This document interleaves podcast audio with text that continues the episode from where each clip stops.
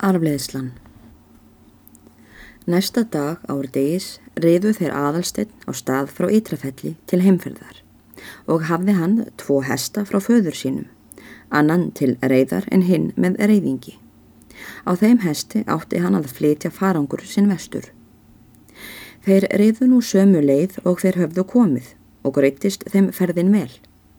Þegar þeir voru komnir á stað, sagði aðalstinn yngimundi frá erindi sínu og erindislokum og um leið ágripið af æfisögu sinni. Ingjamundur setti upp stór augu fyrst og varð honum heldur en ekki byllt þegar aðalsteinn fór að kalla sig Steingrimsson á bæjanum sem þeir komu við á. Síðan er aðalsteinn hafði sagt honum upp alla sögu, gjörðist Ingjamundur svo kátur og uppurifinn að hann réð sér varðla og hvaðist ekkert finna til sjúkleika síns en það hafði honum bersinilega batnað, hvort sem það var reyfingunni að þakka eða livjum þeim er steingrimur hafði gefið honum til reynslu eða hvoru tveggja. Hann taldi sig heppin að hafa farið för þessa með aðalsteini, er báðum varð til svo mikils ábata, þar sem annar hafði tíndan föður aftur fundið en hinn tínda helbregði. Þegar þeir komu austur í Árnisíslu tók aðalsteinn krók á sig til að koma við á vatni og heimsækja síra Sigurð frænda sinn. Var þar svo breyting á orðin að Margret fóstrudóttir hans var komin frá honum og gift bónda þar í sveitinni er Jón hétt og hafði síra Sigurður sett undir þau eina af jörðum sínum. Síðan var komin til hans Roskin Kvenmaður, Herdís að nafni. Engin breyting var á orðin með síra Sigurð sjálfan, svo að sínilegt væri. Hann hafði sömu góðu heilsuna sem áður og hann satt enn á rúminu sínu í litla húsinu og prjónaði. Allt var þar við sama inni hjá honum, nema það að sokkarnir voru burtu og hjekk nú sjóvettlingakippa í þeirra stað. Spótnin í sliðrinni var hinn sami og snýri eins.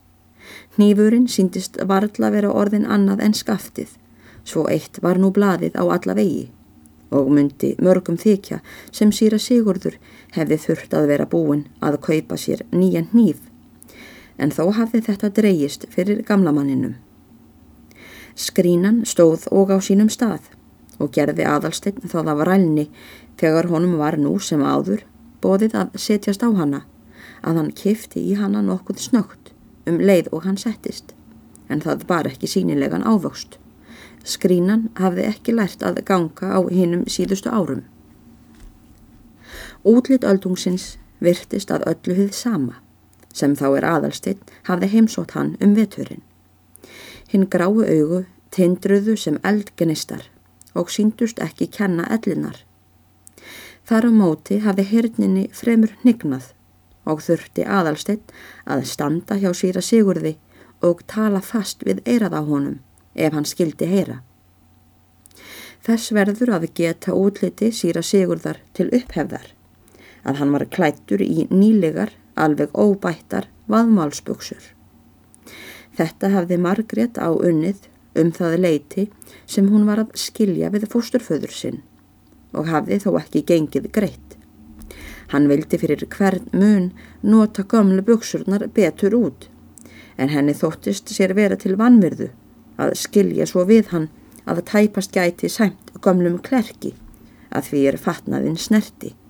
Og niðurstaðan varð að Margrit hlaut að beita nokkurs konar ofríki við húsbónda sinn og rændi hún hann reglulega gamla buksunum og hafið þær burt með sér.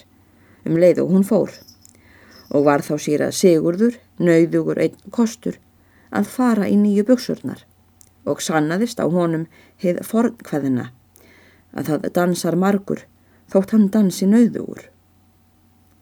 Af þessu leiti að síra Sigurður var í þetta sinn förðu snúturlega til fara og þarf ekki að við geta þess að háleistarnir voru svo samleitir nú sem framast var und og báðir gerðir úr svartri ull. Aðalstein skilaði kveðju frá steingrimi á Ytrafelli og kannadist síra Sigurður brátt við nafnið. Hann leitt með undrun á aðalstein. Síðan sagði aðalsteinn honum upp alla sögu að ferðalagi sínu vestur, erindi og erindi slokum og var auðséð að öldungurinn hlustaði til með mikill ánægu. Hann lofaði mjög fyrirhyggju önnu frændkonu sinnar og framkvæmt aðalsteins og spáði að honum myndi vel farnast í fleiru. Þetta líkar mér. Þetta hefði nú einhver tíma átt við mig, sagði síra Sigurdur. Og svo gladur varð hann af þessu að hann lit sækja vínflösku sem hann vísaði ráðskonunni til í kistu frammi í skálahúsi þar í bænum. Og hvaðst hann eiga þá flösku, frá því er hann í síðasta sinni hefði farið sjálfur með ull sína í kaupstað og taldist honum til að síðan myndu liðin tólf ár. Þessa flösku dró hann upp og drakk nú með aðalsteini og var nú bæði fjörugur og skemmtin í tali. Svo mjög örfaði gamalmennið bæði hinn gleðilega fragn og hinn ljúfenga vín að herdís sem ekki vissi hvaðan á hana stóð veðrið og átti ekki þessu að venjast. Hún hafði ekkert hýrta frásúka aðalsteins því að þá var hún frammi við. Hjælt að húsbóndin væri orðin feigur.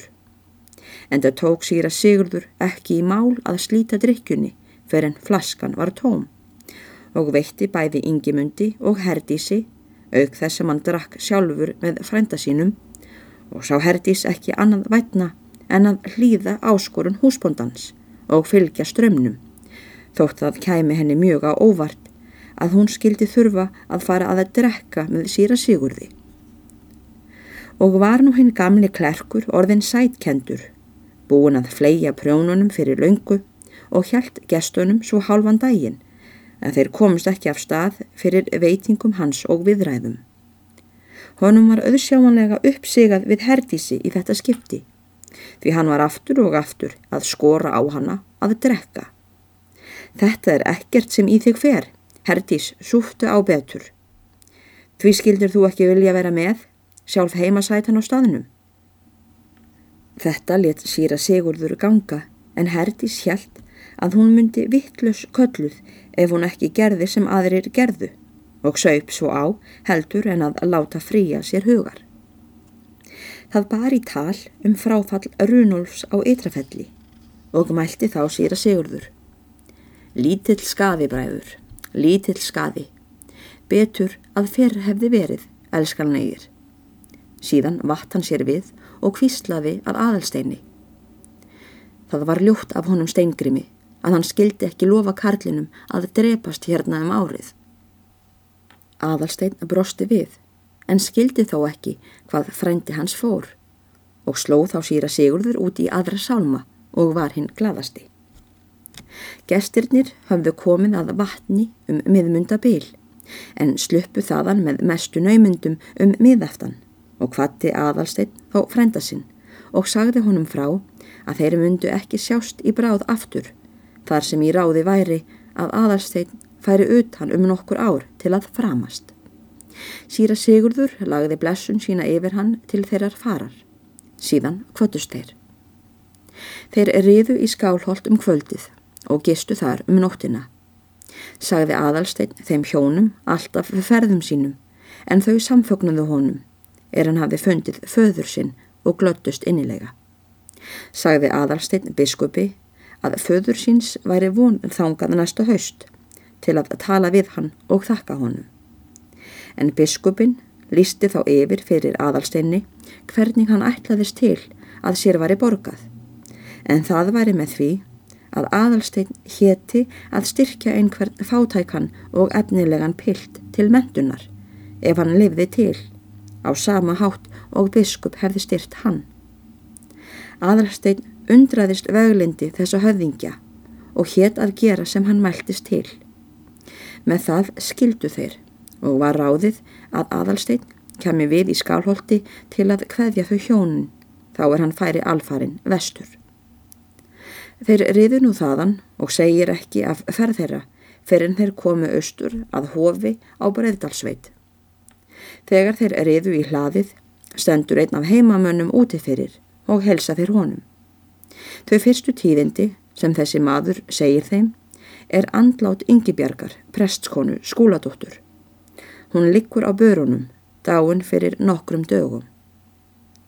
Þeir fréttu að nánari atvikum og sagði maðurinn þeim að prestskonan hefði sykst af landfarsótt tæpir viku eftir heimann fyrir aðalsteins, leið rúma viku og andast síðan. Aðalsteini varð byllt við þessi tíðindi.